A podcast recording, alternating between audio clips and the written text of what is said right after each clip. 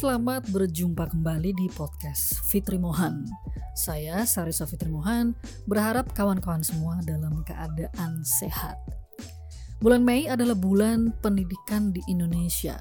Setiap tanggal 2 Mei, kita selalu merayakan Hari Pendidikan Nasional.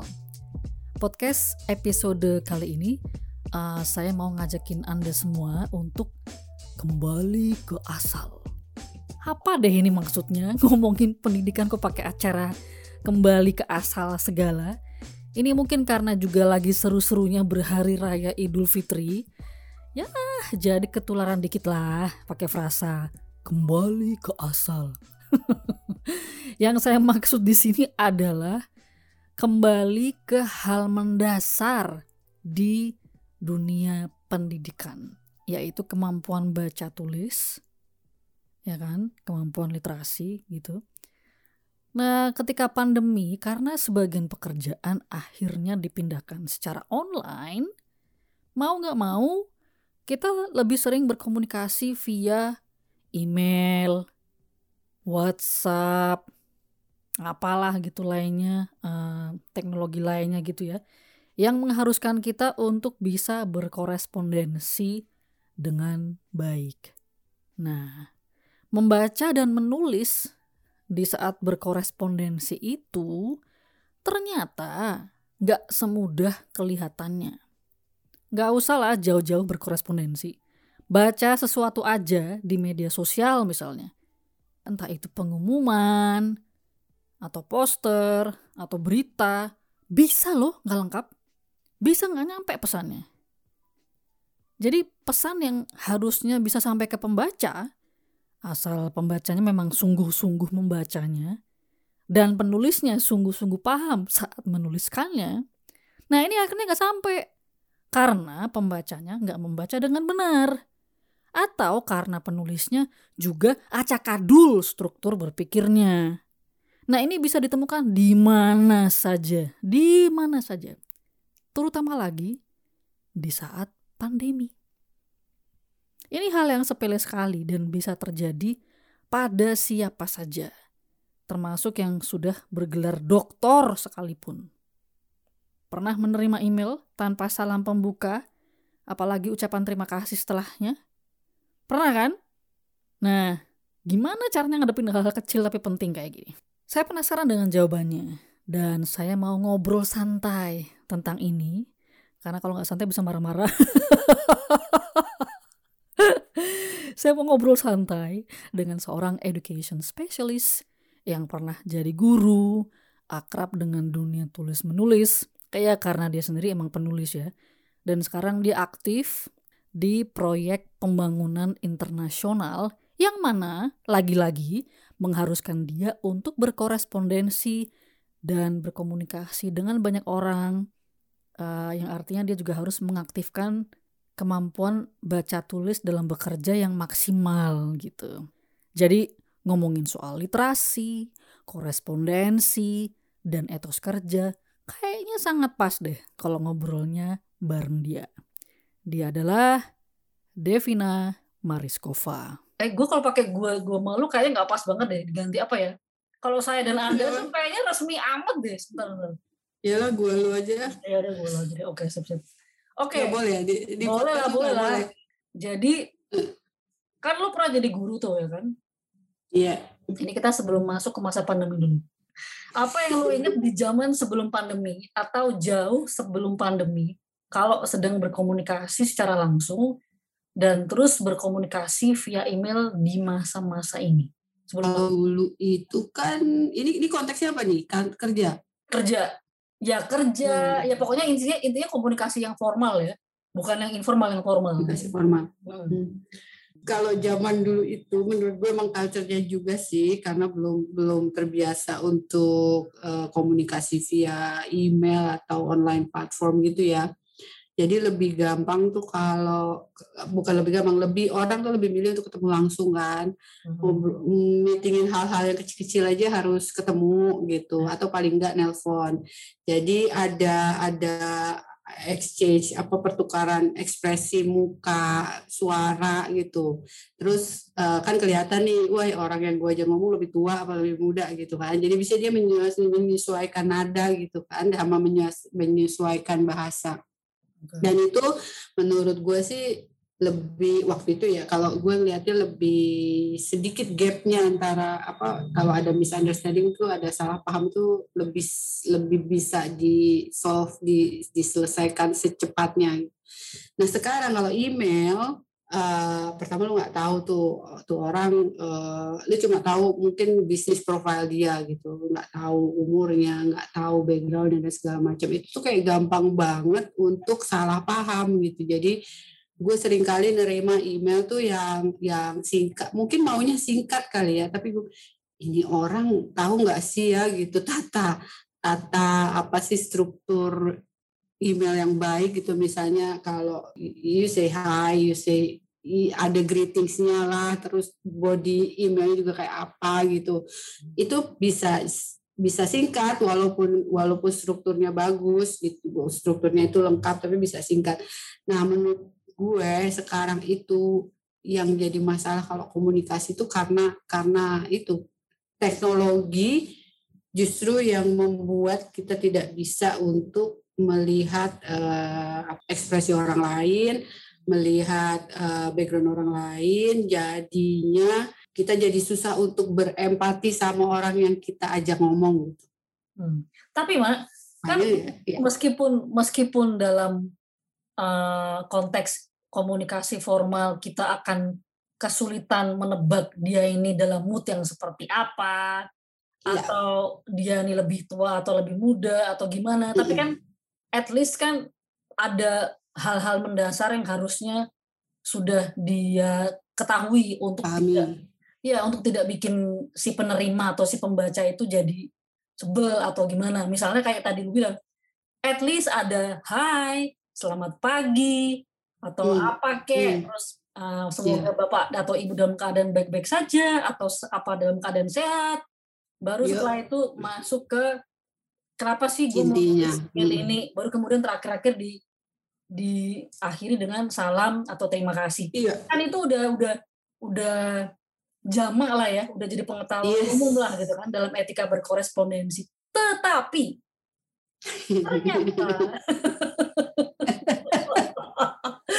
ternyata begitu gitu loh ya kan itu lu lu menemukan itu gak ataukah ketika lu oh, menemukan oh, iya. itu itu lebih hmm. banyak di saat terjadi pandemi atau jauh sebelum pandemi itu sebetulnya udah terjadi oke asumsinya gue gitu orang yang email gue itu kan tahu ya tata cara etika beremail gitu. Iya dong. Iya, tahu dasar-dasar oh. gitu kan asumsi gue. Tapi ternyata enggak. Iya gue banyak dari email gitu mau mau email bisnis atau non bisnis gitu ya. Oh. Terus uh, sekarang lebih banyak iya, tapi bukan baru mulai sekarang. Jadi mungkin ya ada beberapa tahun belakangan lah. Hmm. Jadi kadang-kadang gue yang yang harus jadi gue yang harus berempati gitu jadi yang nerima yang harus berempati kabar banget sih ya enggak jadi iya kuncinya menerima email sekarang adalah tidak boleh dibawa perasaan. Iya. Karena harus eh, baca lagi terus oh mungkin maksudnya dia ini gitu. Padahal sebenarnya sih kalau misalnya kita itu tahu dasar-dasar apa format template lah gitu template paling dasar untuk menulis email atau berkomunikasi nggak cuma email ya. Hmm. itu sebenarnya itu itu udah cukup sih lu nyontek aja dari email-email template yang ada di di internet itu udah cukup. Apa itu bisnis bisnis itu kan harus uh, pendek ya maksudnya concise gitu untuk clear jelas gitu uh. terus nggak nggak perlu basa-basi ke mana-mana nggak perlu yeah. pakai pidato-pidato gitu ini sebenarnya nggak nggak apa nggak susah gitu loh untuk tidak untuk bisa menyampaikan eh, pesan, pesan dengan ya ya dengan baik dan beretika gitu. Nah ini terus selama masa pandemi yang lo temukan selain orang yang emailnya nggak lengkap atau kurang secara struktur maupun etika apalagi kadang ketemu sih enggak ya mungkin nelpon gitu ya kadang-kadang atau teks WA gitu. Uh, kan sekarang lagi WA banget gitu terus apa apa WA gue lihatnya bahwa sesuatu yang harus lu email malah lu WA gitu. Terus pada itu mungkin sesuatu yang penting gitu kan. Hmm. terus uh, kalau misalnya lo WA itu kan lo terbatas ya kemampuan jempol lo juga terbatas gitu. Hmm. Terus energi di jempol lo juga terbatas ya. dan ada typo di mana-mana gitu kan.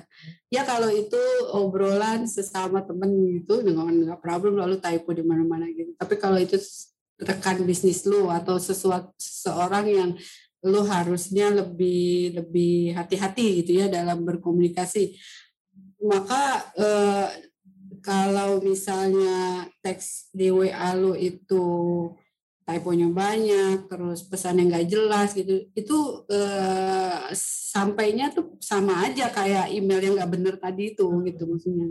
Lu bukannya mengerti, jadi dua kali mungkin lebih dari dua kali kerjanya. Pertama, lu mencoba untuk apa mendecipher gitu ya, mengartikan sebenarnya mau ngomong apa sih gitu. Lu kan dulu gitu kan, menarik dulu. Ini sebenarnya dia mau ngomong apa? gitu. Terus yang kedua, terus gue pikir dulu gini, ini sebenarnya dia ngomelin gue apa? gitu kan. Kan nggak jelas tuh ekspresinya gitu kan. Terus yang ketiga gue mikir ini orang kenapa nggak nelpon gue aja sih? Kebanyakan dari kita di uh, apa namanya uh, negara 62 ini kan nggak suka baca ya. Jadi iya, iya, kita tanya katanya gitu kan. sayangnya kan. begitu sayangnya begitu.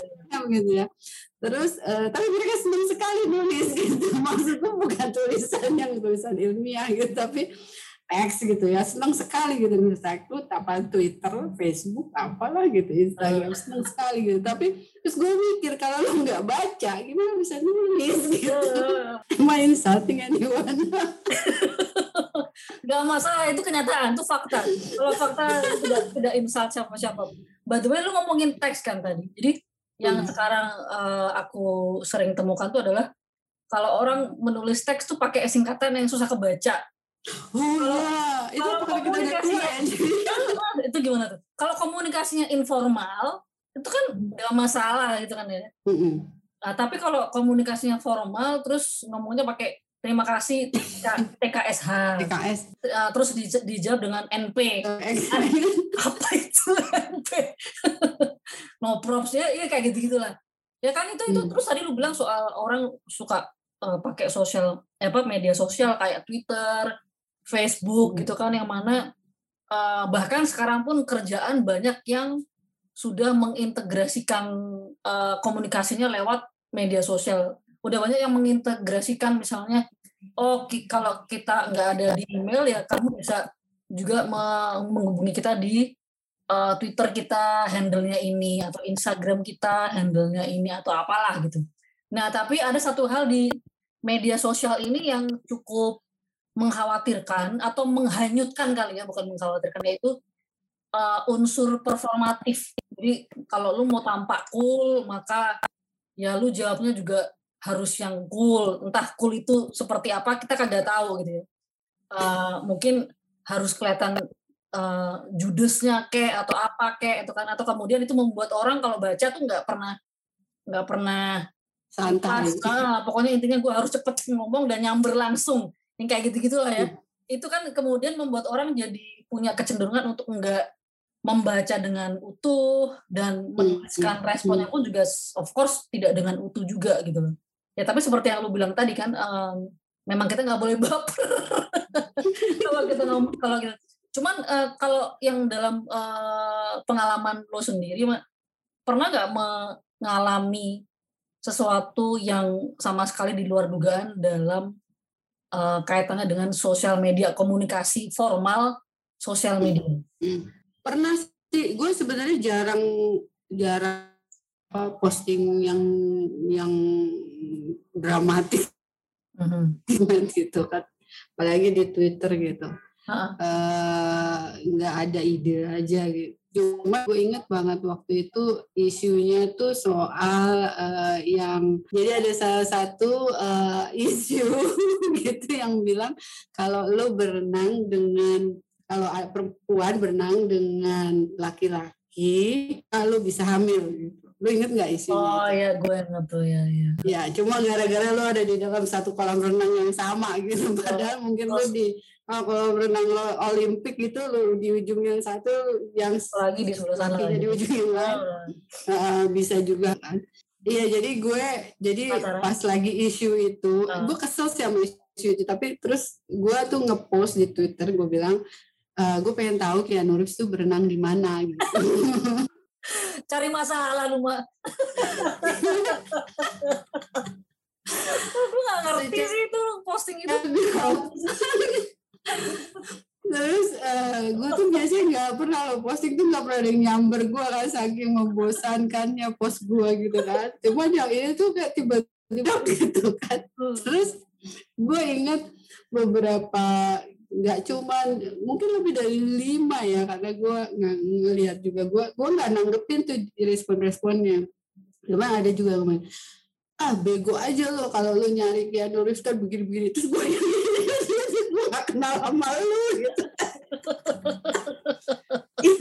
Komennya adalah uh, yang ngebego-begoin gue lah gitu. Karena gue nyarinya Keanu Reeves. Mungkin kalau gue nyari yang lain nggak dibego-begoin gue nggak tahu terus gue agak aneh gue agak aneh gitu karena ya mungkin pada post gue yang pertama mungkin pesan gue nggak nyampe gitu bahwa itu joke band gitu ya, kan yang oh. terus yang kedua juga uh, ya ya gue nggak kenal sih sama sebagian besar orang yang ngerespon Twitter gue tweet gue itu gitu uh. jadi gue juga bingung gitu kenapa lu segitu trigger sama yeah, sesuatu yeah. yang lu sebenarnya nggak relevan sama hidup lu gitu. Iya ember ember. Kadang-kadang iya sih orang suka nggak bisa itu ya membaca tone uh, iya, itu. dari itu kita dari apa yang kita posting di sosial media gitu. Iya itu juga. Ini nyebelin banget tuh, nyebelin banget. Iya, jadi gue juga nggak bisa marah sih sama orang yang misalnya nyamber gitu, karena gue juga paham mungkin dia nggak paham tone gue gitu pada tulisan, atau juga karena dia nggak bisa baca juga kan, gitu. Jadi gue harus paham lah. Jadi gue yang berempati lebih lah gitu. Iya iya. iya. Kayak waras semua. Adem. Tapi nggak bisa nggak nggak semua orang bisa kayak lu, Mak. Jadi uh, ada yang kemudian mikirnya ini kenapa sih? Ya oke lah paling paling paling bagus memang kayak gitu ya. Udah udahlah nggak usah nggak usah diambil tapi uh, apa ya dan yang rugi dia sendiri sih. Dia kalau mau marah-marah marah-marah aja sendiri gitu sih. Iya, iya. tapi mah beneran yeah. itu di zaman di mana penggunaan sosial media sudah semakin jamak itu kemampuan membaca dan menulis yang baik kok nampaknya semakin menurun itu ya. Dan nggak nggak usah lah itu. Nggak usah lah nggak usah lah ngomongin tentang membaca tone ya. Membacanya aja yang biasa-biasa aja tuh sepertinya semakin menurun. Contoh Bisa. aja yang contoh yang terjadi di di uh, yang gue saksikan ya. Jadi ada pengumuman webinar tentang X di sebuah link hmm. Y hmm. dan silakan daftar di Z. Kok hmm. ya ada aja yang masih nanya bagaimana cara mendaftar? Atau linknya bisa didapat di mana sumpah deh gue tuh gue tuh yang lah itu itu sudah ada di situ semuanya linknya tempatnya apanya ada semua di situ. Dan masih ditanya oke okay, linknya di mana ya? Daftarnya di mana itu itu itu kenapa ya Maya kenapa itu terjadi? Oh kak itu udah gue min dari paling 10 15 tahun lalu 10 tahun lalu lah udah gue amin kayak gitu. Gue oh. pernah ngurus website uh. Uh, bukan pribadi ya. Terus ya kayak gitu misalnya padahal dia sebelah sebelahan gitu kan. Ini ada kolom komentar pertanyaan terus di sini ada uh, apa fact gitu yang uh, pertanyaan yang banyak di di ini di apa namanya ditanyain. Sebenarnya lu tinggal na tinggal baca dulu aja gitu ya. Lu bakalan iya. tahu jawabannya apa. Tapi enggak lu harus nanya walaupun itu ada di atasnya juga ada orang lain yang nanya tetap aja harus tanya. Kalau menurut gue memang karena satu mungkin males untuk membaca histori sebelumnya. Gitu. Hmm. jadi daripada dia menghabiskan waktu pelajari dulu uh, tulisan atau informasi sebelumnya mendingan dia langsung ah gue langsung aja nanya nih gitu. Kalau gue langsung nanya kan dijawab gitu. Kayaknya kayaknya mentalitinya tuh seperti itu ya. Dan itu sampai sekarang. Jadi apa yang udah ditulis ya tetap ditanya lagi karena memang dia nggak mau baca gitu. Gue nggak boleh kesal. Ah. Padahal masalah hidupnya mereka itu akan selesai dengan lebih cepat kalau mereka mau menghabiskan waktu, mau mau menginvestasikan waktu untuk membaca. Exactly. Benar. Betul sekali. Betul sekali. Dan nggak bikin problem di orang lain kan gitu loh. Um, apa yang lo harapkan sebagai seorang education specialist ketika menerima pertanyaan atau ketika membaca email uh, ketika melihat orang merespon informasi dari lo apa yang lo butuhkan dari email orang yang ingin bertanya lebih lanjut tentang informasi yang lo sudah sediakan. Gue pertama akan menghargai kalau dia bisa uh, seenggaknya merefer uh, ke apa itu merefer ya? Merujuk Mengacu, itu merujuk. mengacu menuju ke ke uh, uh, bahan yang sebelumnya dia baca. Jadi misalnya itu di di pengumuman di website gitu ya terus dia mau nanya nih tentang A gitu terus uh, dia A ini nggak ada di dalam website. Jadi dia bilang, saya baca di di website ini di, di halaman ini mungkin dia kasih link gitu ya. Gini gini gini, tapi saya tidak menemukan informasi tentang ini. Itu gue sangat menghargai karena pertama uh, gue tahu bahwa wah gue akan bicara di level yang sama nih sama dia nih gitu jadi jadi uh, background informasi kita sama nih gitu jadi gue ngomong nggak berasumsi bahwa dia tahu ini nggak ya dia tahu itu nggak ya gitu.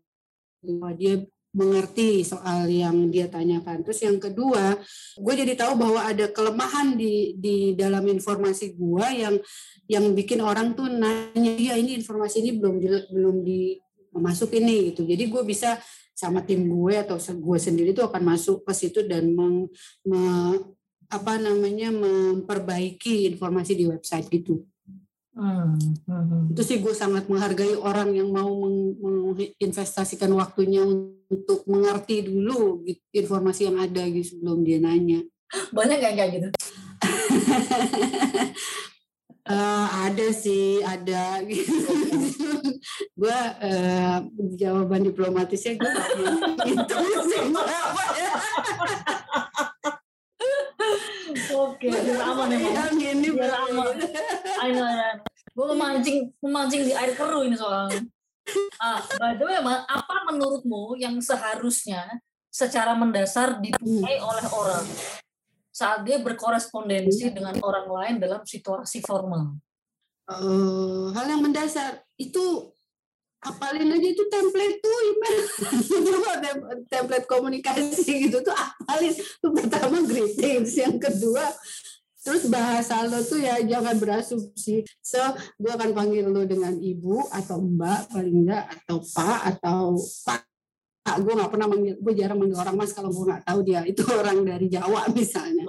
Terus uh, dan dia juga gue mengharapkan hal yang sama. Bukan karena gue so mau dipanggil ibu atau mbak gitu ya. Tapi menurut gua itu akan memperlihatkan bahwa oke okay, kita respect gitu kita hormat sama orang yang kita ajak ngomong gitu. Jadi equal di situ uh, posisi lu. Kayaknya memang hmm, bahasa kita kan dibuat untuk ada harapan-harapan tertentu kalau lu menggunakan ekspresi tertentu di dalam bahasa gitu kan.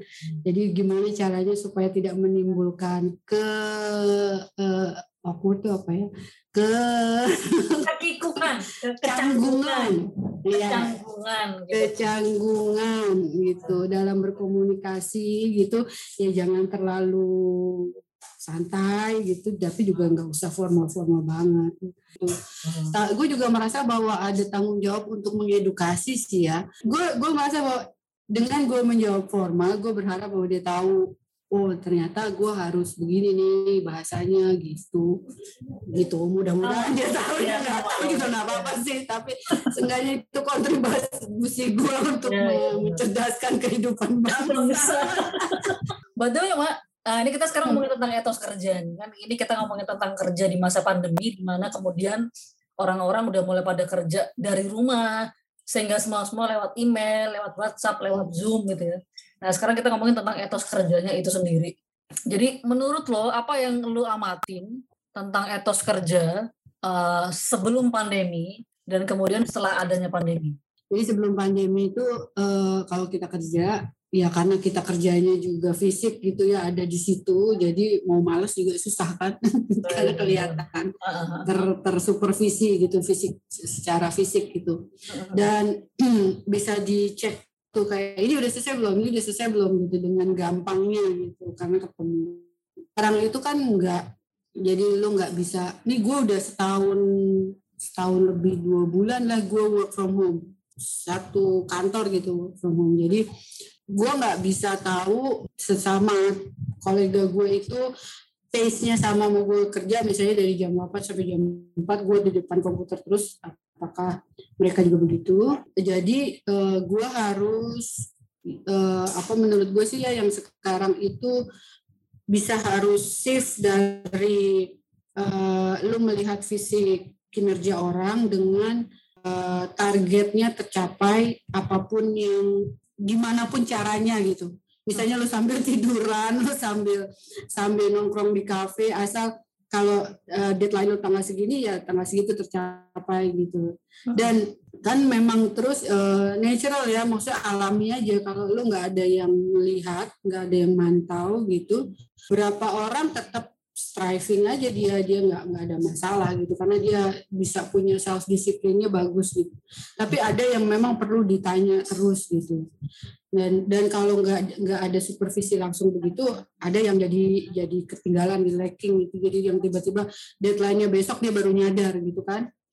Uh, itu di awal pandemi itu uh, sangat terasa bahwa kalau lu sebagai supervisor tuh lu jadi harus kerja dua kali untuk belum ingetin jadi lu harus punya sistem untuk mengingatkan teman-teman lu bahwa eh deadline kita tinggal sebulan lagi eh deadline kita tinggal dua minggu lagi eh deadline kita tinggal sehari lagi gitu gue ngelihatnya sih karena pace orang beda-beda gitu dengan dengan sistem supervisi yang seperti sekarang. Uh-huh. Jadi daripada kerjaan gue pas deadline itu nggak nggak kelar, itu gue memilih untuk uh, mengambil steps yang lebih yaitu ngingetin ngingetin sekali dua kali tiga kali gitu. jadi ada ada ininya ada ada gue investasikan untuk mengingatkan gitu ngirim reminder terus kalau misalnya itu lewat sekali ya diingetin tapi kalau lebih dari sekali itu namanya bukan diingetin lagi tapi udah harus di di diajak ngomong gitu kan. Yeah, yeah, Jadi bener. itu sih yang beda banget gitu. Nah, dari dulu walaupun fisik ke kantor gitu ya, gue sebenarnya bukan orang yang uh, milih atau suka dengan physical supervisory gitu. Hmm. Jadi menurut gue asal asal produk lu itu bagus dan tepat waktu terserah lu deh gitu lu mau ngerjainnya sambil di bawah kolong meja lu mau ngerjainnya malam buta kayak apa kayak gitu gitu cuman emang pas pas ternyata kejadian gue nggak bisa melihat langsung atau mensupervisi langsung memang ada hal-hal yang lain yang ya itu tadi gue bilang ada orang yang punya self disiplin ada yang memang harus di dikasih dari eksternal gitu. Hmm. Hmm. Dan ini kan semua orang sekarang rata-rata udah kenal Zoom ya, Maya. Jadi hmm. alat baik untuk mempermudah komunikasi dan pertemuan-pertemuan gitu ya, terutama di zaman seperti sekarang. Uh, dan orang tuh bisa berkomunikasi dengan adab yang bagus di sini, terus bergelora gitu, ngomongin kerja-kerja yang akan digarap. Wah, nanti kita akan begini, wah nanti kita akan begitu, rapat tiap bulan, wah terus kelihatannya tuh kayak kerja gitu loh menyenangkan sekali lihatnya. Hmm. Jadi dengan adanya rapat-rapat itu saya tuh menyenangkan sekali dan terdengar sangat menjanjikan gitu loh. Tapi prakteknya hmm. itu bisa lain sekali no. dari apa yang sudah ya. digelorakan di mulut. Lo menemukan itu juga nggak di masa? Oh iya, iya. Nggak uh, cuma urusan kerjaan lah yang lain-lain. Menurut gue jangan terbuai dengan uh, apa yang terjadi di Zoom gitu menurut gue. Karena lu meeting di Zoom lu bisa bilang iya iya iya iya gitu kan.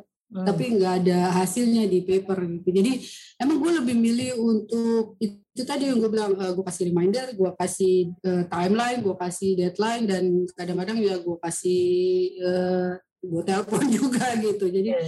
menurut gue Zoom itu hanya satu cara sih, tapi kayaknya bu, jangan deh dijadiin patokan bahwa apa yang terjadi di Zoom adalah apa yang akan akan melihat hasilnya ah, gitu, ya, gitu loh ya itu sebenarnya sama aja sih zoom dengan di meeting gitu. Di meeting kayaknya semua bergelora begitu balik ya, begitu dan juga. Ya memang mau nggak mau kemudian yang dilihat ya hasil kerjanya kan bukan hasil ngomongnya di meeting itu gitu loh. Ya. um, jadi mak fakta yang seperti ini itu kan banyak terjadi ya. Uh, dulu sih uh, mungkin ada semacam kecurigaan gitu bahwa yang seperti ini tuh karena memang mereka masih anak-anak muda banget. Kayak contohnya Gen Z gitu ya.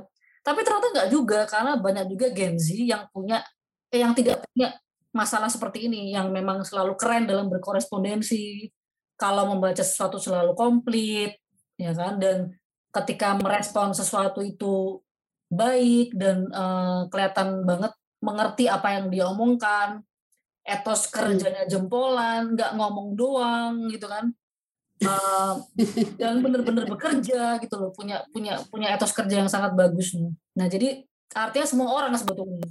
Uh, bahkan yang bergelar tinggi pun tuh juga sama aja sama-sama punya problem literasi sebetulnya dan orang-orang tua juga ternyata ada juga yang punya problem itu gitu loh.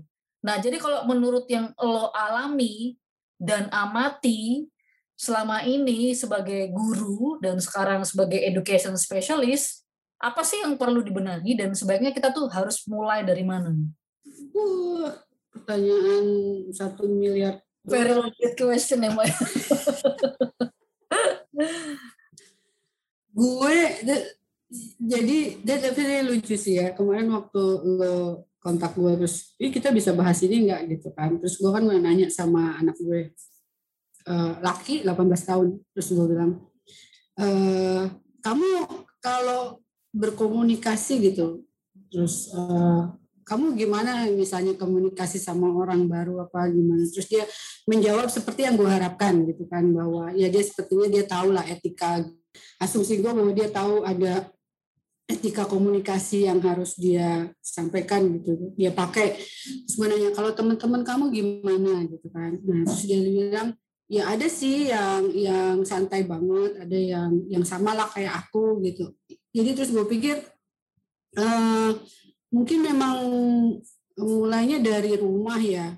Jadi dari rumah tuh dari awal dari kecil gitu memang dia harus di bukan ya, awalnya dari baca lu nggak mungkin lah anak umur satu dua tahun tuh lu suruh jadi gini ya kalau nulis yeah. email ya gitu kan anak umur dua tahun gitu kan yeah. nggak tapi kan lu semakin lu banyak baca maka lu semakin banyak template yang lu inget di kepala gitu jadi misalnya oh orang tuh kalau ngomong begini di bacaan gue yang ini kayak gini nih gitu oh kalau orang mau nyapa orang lain tuh cerita gue yang ini kayak gini gitu. Gue menganggap buku-buku bacaan itu tuh sebagai fondasi dari template-template yang akan dia pakai nanti. Begitu dia udah masuk sekolah kan ya kan mulai tuh diambil lagi sama gurunya bahwa dia diajarin di sekolah nih lo kalau nulis surat begini nih kalau lo ngomong begini nih lo kalau uh, ketemu sama guru atau orang yang lebih tua lo begini gitu kan nah tapi kalau misalnya itu hanya terjadi di sekolah dan itu nggak ada dari kecilnya itu dia nggak punya maka itu buat gua tuh dia jadi ada in, apa kepisah gitu loh. Jadi apa namanya disintegrasi antara ya udah kalau di sekolah gue ngikutin lu deh daripada gue diomelin gitu kan. Tapi kalau di luar sekolah ya gue nggak merasa ada ada relevansinya orang gue nggak pernah lihat gitu kan itu beda sama misalnya lu dari dari kecil tuh udah udah terbiasa punya punya apa ya punya referensi bahwa iya gue kalau ngomong harus kayak gue ngomong dan itu dari buku gitu hmm. soalnya kalau dari omongan biasa di keluarga ya kan lu nggak ngomong